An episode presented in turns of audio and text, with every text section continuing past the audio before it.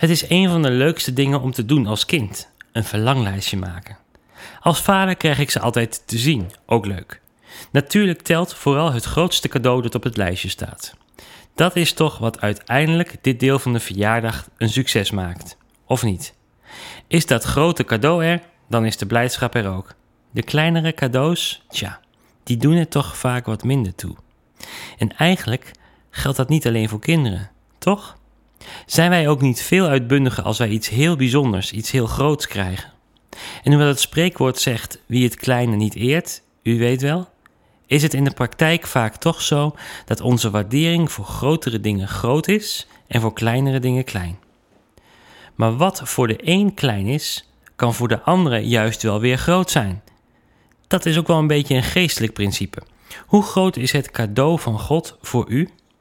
Je zou denken dat de meest vrome gelovigen het meest dankbaar zijn voor wat Jezus voor hen heeft gedaan.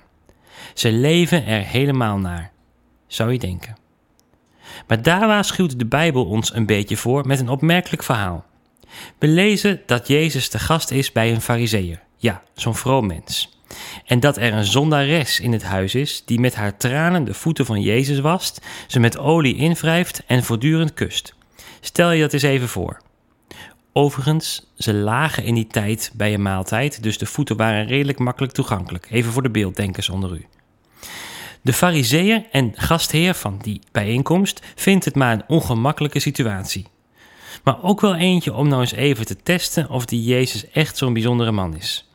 Zou hij weten dat Jezus hier met een overduidelijke zondares te maken heeft? En hoe gaat hij daarmee om?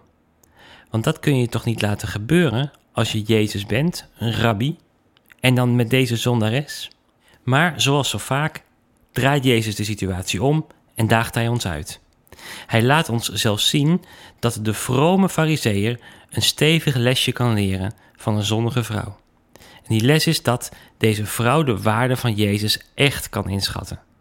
Waar de fariseeën nog geen water voor Jezus had klaarstaan om zijn voeten te wassen, heeft de zonnige vrouw haar tranen gebruikt om ditzelfde te doen. En uiteindelijk leert Jezus de fariseeën een les.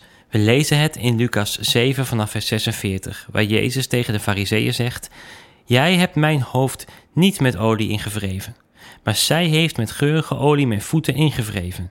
Daarom zeg ik je, haar zonden zijn haar vergeven, al waren het er vele, want ze heeft veel liefde betoond.